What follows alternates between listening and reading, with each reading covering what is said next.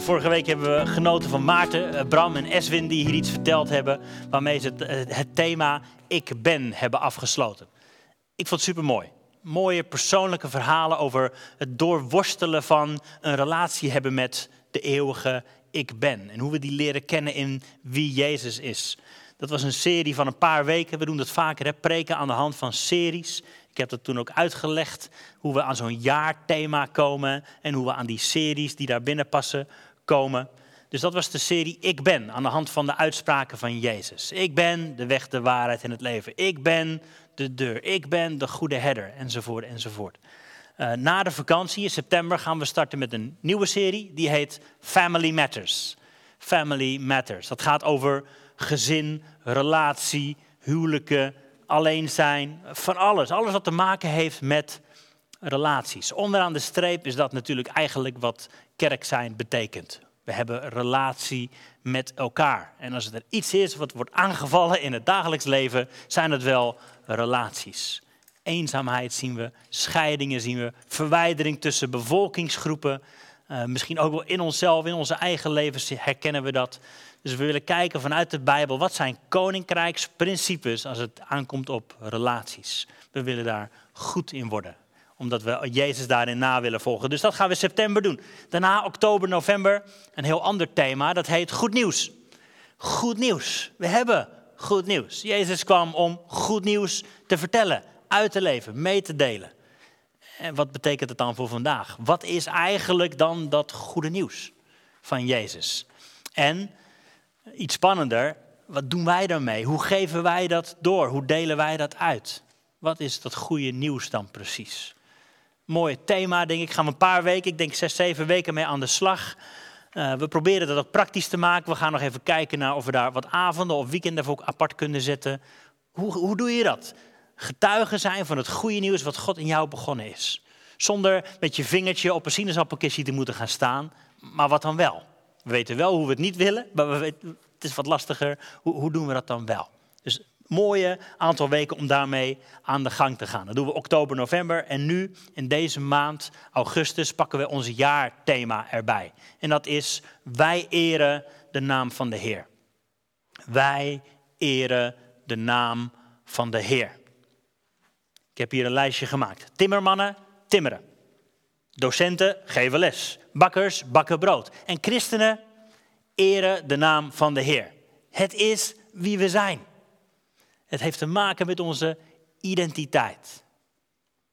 We zijn en we doen. En dat gaat hand in hand. Dat is, als je hebt gezegd, Jezus, u bent mijn Heer, dan is dat je volgende stap. Wij eren de naam van de Heer. En in dit jaar hebben we zo verschillende thema's al doorgelopen. We hebben gekeken naar de namen van God. We kijken naar aanbidding. Wat betekent het dan? Wij eren de naam van de Heer. En deze maand gaan we daar op verschillende manieren mee verder. Het heeft te maken met je identiteit, met je levensstijl.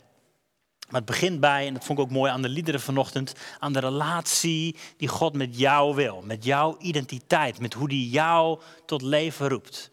De boodschap van Jezus was niet een soort van gedragsveranderingsprogramma. Met alleen maar, je moet dingen anders gaan doen. Ten diepste roept het jou terug tot leven.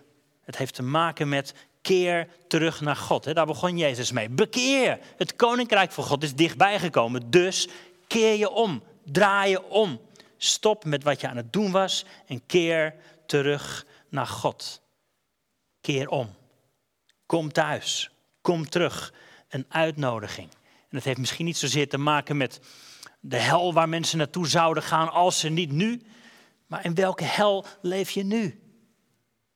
In welke hel van, van eenzaamheid of angst of pijn of verdriet leef je nu? Jezus zegt, kom eruit tevoorschijn. Ik roep je weer tot leven hier en nu. Kom, kom. En soms kan het ook een pijnlijk proces zijn. Dat je geconfronteerd wordt met dingen uit je oude leven die nu rechtgezet worden. Ik hoorde pas een voorbeeld van uh, Sam Monk, dat is iemand die we kennen uit Nieuw-Zeeland, die vertelde dat hij jaren geleden was hij met, trampoline springen, was hij gevallen, had hij zijn arm gebroken. Pijnlijk natuurlijk, naar, irritant. Maar hij was toen op bezoek bij familie in een of ander achterafdorpje en daar naar de huisarts toe. Die kerel had zo goed en zo kwaad als het ging zijn arm weer gezet. Maar een paar weken later kwam hij in het ziekenhuis en dan kwam hij erachter dat zijn arm verkeerd was gezet. Dus tada, hij moest nog een keer gebroken worden. En misschien is dat wel herkenbaar. Dat je dat herkent in je leven. Er zijn dingen gebeurd vroeger en je bent er op een bepaalde manier mee omgegaan. Mensen hebben je raad gegeven. Door het leven heen heb je keuzes gemaakt waarvan je dacht: oh, dit is de manier waarop alles weer rechtgezet wordt. En dan kom je erachter, eigenlijk is het scheef rechtgezet. En dat is een proces waar Jezus samen met ons daarheen wil. Kom thuis, ik ga het recht zetten. En dat is een proces waarin het pijn kan doen. Sommige dingen moeten opnieuw gebroken worden. Sommige dingen moeten we anders over na gaan denken. En dat heeft onder andere te maken met hoe denk je over jezelf. Als we beelddragers zijn van God, hoe denken wij dan over onszelf? Hoe ziet God ons?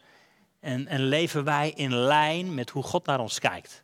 Of moeten sommige dingetjes opnieuw gebroken worden? Dat wat we altijd dachten over onszelf moet eigenlijk opnieuw even naar het ziekenhuis onder de loep genomen worden en aangepast worden. Hey, we gaan samen lezen 1 Petrus 2, vers 1 tot 10. Als je een Bijbel bij je hebt, mag je hem erbij pakken. Het verschijnt hier ook achter me op het scherm.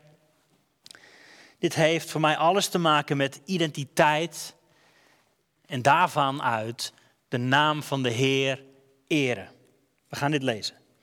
Vers 1, er staat dit. Leg dan af alle slechtheid, alle bedrog, huichelarij, afgunst en alle kwaadsprekerij. We beginnen met het goede nieuws. Stop daarmee, niet meer doen. Slechtheid, bedrog, huichelarij, afgunst, kwaadsprekerij. Maar verlang vurig als pasgeboren kinderen naar de zuivere melk van het woord, opdat je daardoor mag opgroeien. Indien u tenminste geproefd hebt dat de Heere goede tieren is, heb je geproefd dat God goed is. Kom dan naar Hem toe als naar een levende steen, die wel door de mensen verworpen is, maar bij God uitverkoren en kostbaar. Want dan word je ook zelf als een levende steen gebouwd tot een geestelijk huis, tot een heilig priesterschap, om geestelijke offers te brengen die God welgevallig zijn door Jezus Christus. En daarom staat er in de schrift: Zie, ik leg in Sion een hoeksteen die uitverkoren en kostbaar is. En wie in hem gelooft, zal niet beschaamd worden. Voor u dan die gelooft, is hij kostbaar. Maar voor de ongehoorzame geldt, de steen die de bouwers verworpen hebben, die is de hoeksteen geworden. En een steen des aanstoots en een struikelblok. Voor hen namelijk die zich aan het woord stoten door ongehoorzaam te zijn, waartoe zij ook bestemd zijn. Vers 9 dan. Maar u bent een uitverkoren geslacht, een koninklijk priesterschap, een heilig volk. Een volk dat God zich tot eigendom maakte, opdat u de deugden zou verkondigen van Hem die u uit de duisternis geroepen heeft tot zijn wonderbaar licht. U die voorheen geen volk was, maar nu Gods volk bent. U die zonder ontferming was, maar nu in ontferming aangenomen bent. Graag met je bidden. Heere God, dank u wel dat we dit mogen lezen. Die woorden die al duizenden jaren oud zijn. Dat u ze ook vandaag levend wilt maken in ons hart. Heer, u wilt uw licht schijnen op die delen in ons leven waar we mee aan de slag mogen. Waarin u genezing wilt brengen, herstel wilt brengen, nieuw leven wilt brengen, nieuwe hoop. Wilt u ons helpen om te ontvangen wat u wilt geven vandaag. U zegt dat uw zegeningen nieuw zijn elke morgen. Wil u ontvangen op een nieuwe manier. Doe iets nieuws in ons hart. In Jezus' naam. Amen. Amen. we gaan vers 9 erbij pakken en daar stapje voor stapje doorheen. Maar u bent een uitverkoren geslacht, een koninklijk priesterschap, een heilig volk. Een volk dat God zich tot eigendom maakte opdat u de deugden zou verkondigen van Hem die u uit de duisternis geroepen heeft tot zijn wonderbaar licht. Voor mij zijn dit de twee woorden die het samenvatten, dat koninklijke priesterschap. Koninklijk priesterschap. En als we de Bijbel erbij pakken, dan zien we eigenlijk van Genesis tot Openbaring is dit de rode draad. Dit is hoe God ons ziet, ons gemaakt heeft. Jullie zijn koninklijke priesters. Koninklijke priesters. Dit is je identiteit. Dit is hoe God je bedoeld heeft. Je bent Gods kind. ik weet niet of je het kent, The Bible Project. Fantastische podcast. Ze hebben ook heel veel YouTube-filmpjes, uh, ook in het Nederlands vertaald. Uh, je moet er maar eens naar kijken. Hoe ze daar in Genesis, uh, naar Genesis 1 en 2 kijken. Hoe de mens gemaakt is en in de tuin geplant is als een beelddrager van God. Het is echt je tijd waard om daar eens goed naar te luisteren. Het beeld van God, die zijn, zijn, even, zijn, zijn beeld weerkaatst naar deze wereld en die zijn aanbidding brengt. Dit is onze identiteit, koninklijke priesters. En het is goed om daar regelmatig bij terug te komen. Past jouw leven bij je ontwerp? Dit is hoe je gemaakt bent als koninklijke priester. En als je je keuzes daarvan afwijken, dan zul je merken dat je in de stress schiet. Dan zul je merken dat er pijn komt, dat er burn-out komt, dat er ruzies zijn. Komen terug bij ons ontwerp. We komen terug bij onze maker. Kijk eens wat vaker in de spiegel van je maker, zeiden ze vroeger. Zo'n visje tekst volgens mij. Hè? Maar dit is wat we willen doen. We willen Hem zien. We willen onze ogen op Hem richten. En dan ontdekken, dit is hoe u mij gemaakt heeft. En dan kunnen we deze wereld ingaan. Maar u bent, daar begint deze tekst mee. Maar u bent. Ik zei al, het heeft te maken met identiteit. Ik zag een uitspraak van Henry Nouwen, misschien ken je hem. Die zei vijf leugens over onze identiteit in deze wereld. Vijf leugens. Nummer één, ik ben wat ik heb. Kennen we dat? Is dat wat de wereld wil uitdelen aan je? Je bent wat je hebt. En by the way, je hebt nooit genoeg. De hele economie draait daarom. Je hebt nooit genoeg. Maar dat is het gevoel wat je kunt krijgen. Ik ben wat ik heb. Dus je moet altijd meer. Je moet altijd beter. Je moet altijd duurder. Je moet altijd vergelijken. Ik ben wat ik heb. Dat is een leugen. Dat is een leugen. Leugen nummer één. Nummer twee dan. Ik ben wat ik doe. En we gaan kijken. Waar ben ik allemaal goed in? Waar is die ander beter in? Ik ben wat ik doe. Dat is een leugen. Dat is een leugen. Misschien kun je dat ook wel in het koninkrijk krijgen. Of in de kerk misschien wel krijgen. Je doet nooit genoeg. Ik had net ook weer een, helpoproep. Voor je het weet word je een slaaf van de kerk. Dat is niet de bedoeling. Je bent niet wat je doet. Je bent niet wat je doet. Dat is een leugen. Nummer drie. Ik ben wat anderen denken over mij. Ik ben wat anderen zeggen over mij.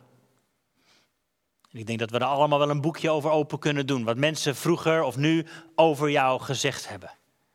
Over jou gedacht hebben. Van ouders tot, tot docenten, andere familieleden. We hebben allemaal wel zo'n opmerking naar ons hoofd gekregen die diep in onze ziel snijdt. Je bent niet wat anderen over jou zeggen of doen. Nummer vier, ik ben nooit meer dan mijn slechtste moment. Herken je dat? Dat je altijd terugdenkt aan, ja, maar toen heb ik dit gedaan. En dat je er niet van los kunt komen.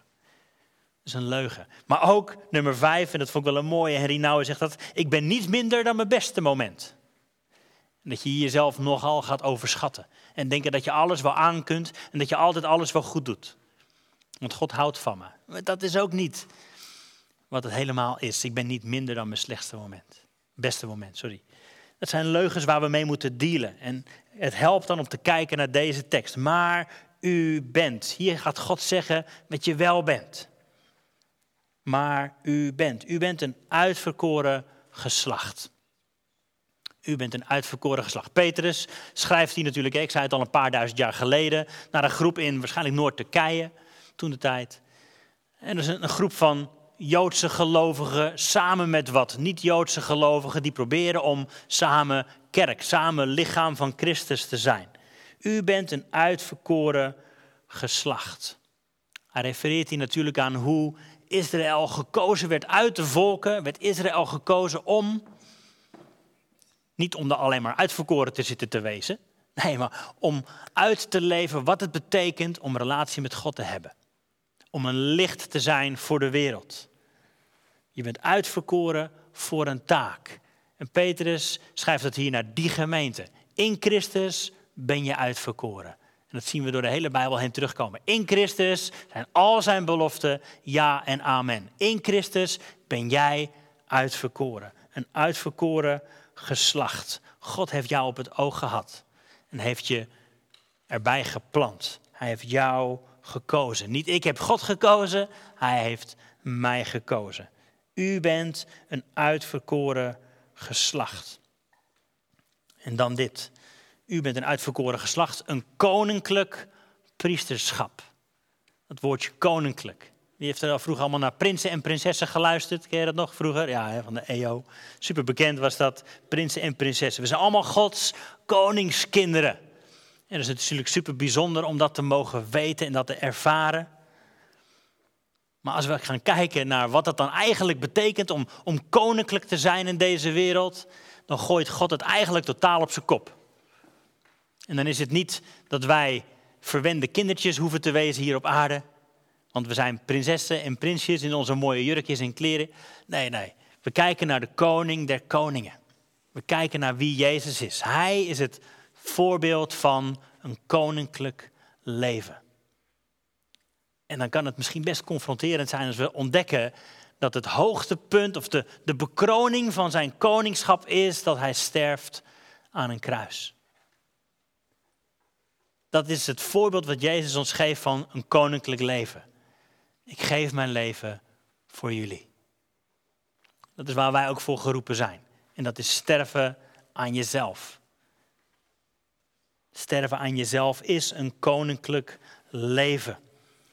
Een ander voorbeeld is dat, er staat zo beschreven, Jezus die wist dat alle macht en alle autoriteit aan hem gegeven was. Wat ging hij doen? Hij ging een kleed omdoen en hij ging voeten wassen. Hij wist dat hij een koningskind was. Hij wist dat hij koninklijk was. En wat deed hij? Hij ging de voeten wassen van zijn discipelen. Dat betekent een koninklijk leven. En Petrus die schudt deze mensen daarmee wakker. Dit is wie je bent. Je bent geroepen om koninklijk te leven. Oftewel, leg je leven af. In een leven van dienstbaarheid. Want je hebt geen goedkeuring nodig van andere mensen. Jezus die wist dat alle macht en alle autoriteit voor hem was en daarom kon hij gaan dienen. Hij had geen goedkeuring nodig, hij had geen, geen bewondering nodig van andere mensen. Hij wist dat zijn vader hem geroepen had en geliefd heeft. Dat betekent een koninklijk leven. Koninklijk leven. Koninklijk priesterschap. Ik zei het al, dit is een beeld wat je door de hele Bijbel heen ziet. Een koninklijk priesterschap. Van Genesis tot Openbaring kom je dit tegen die typering van Gods kinderen. Koninklijke priesters. Maar ja, priesters, wat betekent dat nu dan? Gelukkig hebben we hier vanochtend geen koeien hoeven slachten om God te aanbidden. dat is goed nieuws. Dat zou wat wezen. We mogen God aanbidden met onze stem, met ons leven, met ons lichaam. Maar wat betekent het dan wel? God aanbidden als een priester dat is denk ik de taak, heel eenvoudig samengevat, van wat priesters deden in, in de tijd van de Bijbel. Is dat ze inderdaad de aanbidding aan God brachten. Hem eren met het beste wat ze hebben. Maar ook hem reflecteerden naar de wereld om hen heen. En het is altijd die, die, die twee dingen die daarin terugkomen. God aanbidden en hem uitdelen aan de wereld. God aanbidden en hem uitdelen. En dat is waar wij ook voor geroepen zijn. We hebben dat in Connect Kerk, proberen we altijd bij terug te komen. Boven, binnen, buiten. Hoe kunnen we God aanbidden? En hoe kunnen we naar buiten? Hoe kunnen we Hem uitdelen? Het goede nieuws uitdelen aan de mensen om ons heen. Dus God aanbidden en het goede nieuws uitdelen. Dat is een leven van priesterschap. En dat willen we op een koninklijke manier doen, met, met zijn hart. U bent een heilige natie. Gods volk. Een heilig volk, een heilige natie. Een volk dat God zich tot eigendom maakte. Dit heeft iets te maken met dat heiligheid, dat heb je misschien wel eens gehoord. Dat betekent je bent apart gezet. Je bent eruit getrokken. Je bent apart gezet. Een volk ben je. Dat is ook wel iets wat me raakt. We zijn een volk. We hoeven het niet alleen te zijn. Dit is niet waar we voor geroepen zijn. Ik en mijn relatie met God, dat is genoeg. Nee, we zijn geroepen als volk. En daarom noemde ik net ook die, die connectgroepen. Het is belangrijk dat je samen optrekt met mensen. Groot en kleine groepen, samen, hand in hand. Dit zijn de plekken waar je geschaafd wordt, geschuurd wordt, waar mensen irritante vragen aan je stellen. Dit zijn plekken waar je je ergert aan mensen en daar moet je dan wat mee. We zijn geroepen om als volk op te trekken met elkaar. Dit is wie je bent. Je bent een heilig volk. Je doet het niet alleen. Dit is de plek waar je leert. Dat zeggen we thuis ook wel eens. Hè? We hebben vier kinderen. Het is niet altijd makkelijk met z'n allen. Zet ze aan tafel. Er is altijd wel iemand aan wie je eventjes je ergert. Of aan wie je, met wie je eventjes een, een misverstandje hebt. Dit is de plek waar het gebeurt. En dat geldt ook voor ons als gemeente. Dit is de plek waar we kunnen oefenen.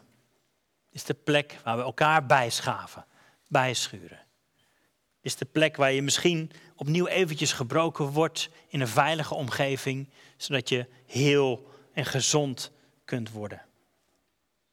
U bent een uitverkoren geslacht, een koninklijk priesterschap, een heilig volk, een volk dat God zich tot eigendom maakte. Zijn Gods eigendom. En dit spreekt natuurlijk volop over het volk van Israël, wat geen slaaf meer was, maar uit Egypte is bevrijd en nu het beloofde land mag gaan innemen. Dat is een beeld wat je telkens weer terugziet in, in wat ze gebruiken over het, beschrijven van het leven met Christus. We komen ergens uit, we zijn geen slaaf meer van, maar we leven nu in vrijheid. We zijn Gods eigendom en we zijn vrij, maar wel vrij in Christus. Vrijheid is wat anders dan losbandigheid. Vrijheid betekent ook niet er zijn geen grenzen meer, geen, geen richtlijnen meer. Dat is niet wat vrijheid is. Maar we zijn geen slaaf meer. Weten van wie je bent. Weten van wie je bent. Dat is vrijheid. We zijn Gods eigendom. God die je aankijkt en zegt: Je bent van mij, je bent mijn geliefde kind. Dat is wie we zijn. Opdat u. Dit heeft te maken met wat gaan we doen dan? Dus eerst kijken we naar wie zijn we. We zijn Gods eigendom, we zijn een uitverkoren geslacht. Opdat u de deugden zou verkondigen, staat hier. De grote werken die God heeft gedaan zou verkondigen.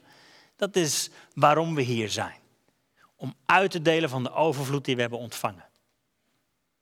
Om uit te delen van de overvloed die we hebben ontvangen. Om het goede nieuws te verkondigen van Hem. Ik zei al, in oktober, november gaan we daar wat langer mee aan de gang. Wat is dan precies dat goede nieuws? Het is misschien wel interessant om straks bij de koffie aan elkaar te vragen. Wat is het goede nieuws van Jezus in jouw leven? Wat, wat heeft hij veranderd dan? Wat is er gebeurd door de aanwezigheid van Jezus in je leven? Is het inderdaad goed nieuws? Als mensen naar je kijken, ben jij goed nieuws in hun leven? In wat je uitdeelt aan ze? Wat heeft Jezus in je leven gedaan? En dat betekent niet dat je leven alleen maar makkelijker is geworden misschien. Maar wel waardevoller, rijker, dieper. Hoe vertellen we dat goede nieuws? Hoe verkondigen we die deugden van God? Dat is een mooie vraag om mee te stoeien. Eswin die vertelde daar vorige week iets over in, in relatie tot zijn baas. Hoe, hoe ga je daarmee om? Met iemand waarvan je denkt, ja maar die, die is atheïst, heeft nog nooit van God gehoord. Wat is voor hem nu goed nieuws? Mooi om daar samen mee te kunnen worstelen. Hoe vertel je dat goede nieuws? En als laatste, opdat u de deugden zou verkondigen van Hem die u uit het duisternis heeft geroepen tot zijn wonderbaarlijk licht. We zijn uit de duisternis geroepen naar zijn wonderbaarlijk licht. En ik zei al, dit, dit spreekt over, we zijn uit slavernij getrokken. Jezus maakt vrij. Uit slavernij getrokken, uit de duisternis getrokken naar zijn wonderbaarlijk licht.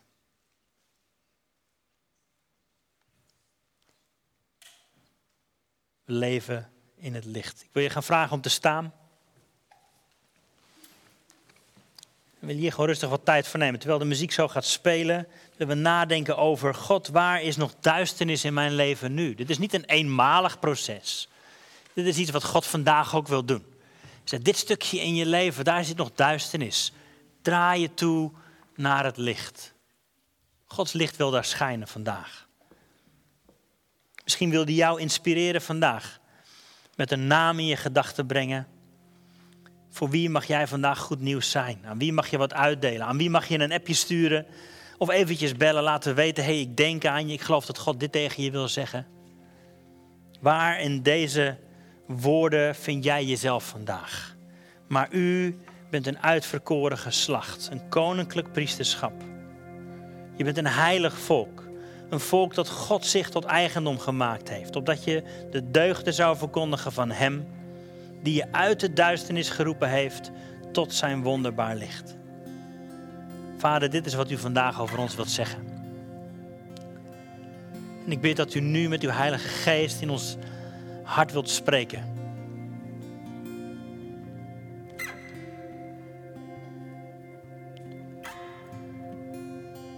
Wat mogen we loslaten, Heer?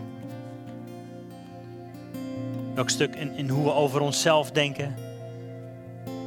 Dat wat anderen over ons gezegd hebben, wat mogen we loslaten, Heer? Waar wilt u uw licht laten schijnen vandaag? In welk stukje is duisternis in ons hart? Misschien heeft het wel te maken met, met wat er ooit gebeurd is in het verleden, wat we vasthouden, waar we ons over schamen of waar pijn zit. Waar wilt u uw wonderbaarlijke licht schijnen vandaag?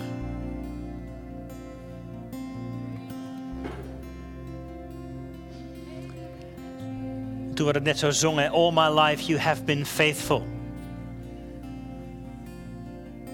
Ik geloof dat God wil zeggen, ik weet dat er mensen zijn die, die daar, daarvan zeggen, ja ho, wacht even. All my life. Dat heb ik niet zo gevoeld, dat heb ik niet zo geweten. Volgens mij was ik alleen daar.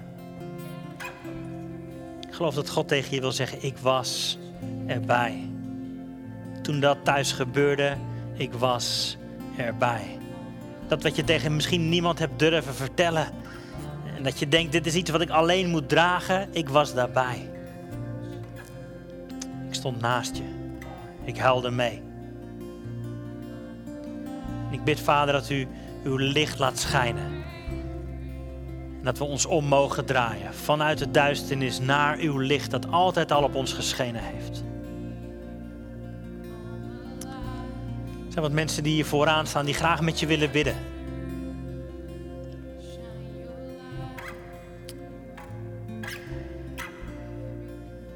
Vader, ik bid dat u ons helpt om te ontvangen wat u vandaag voor ons heeft. Een nieuw stuk vrijheid of vreugde. In uw licht is er vrede, is er vrijheid.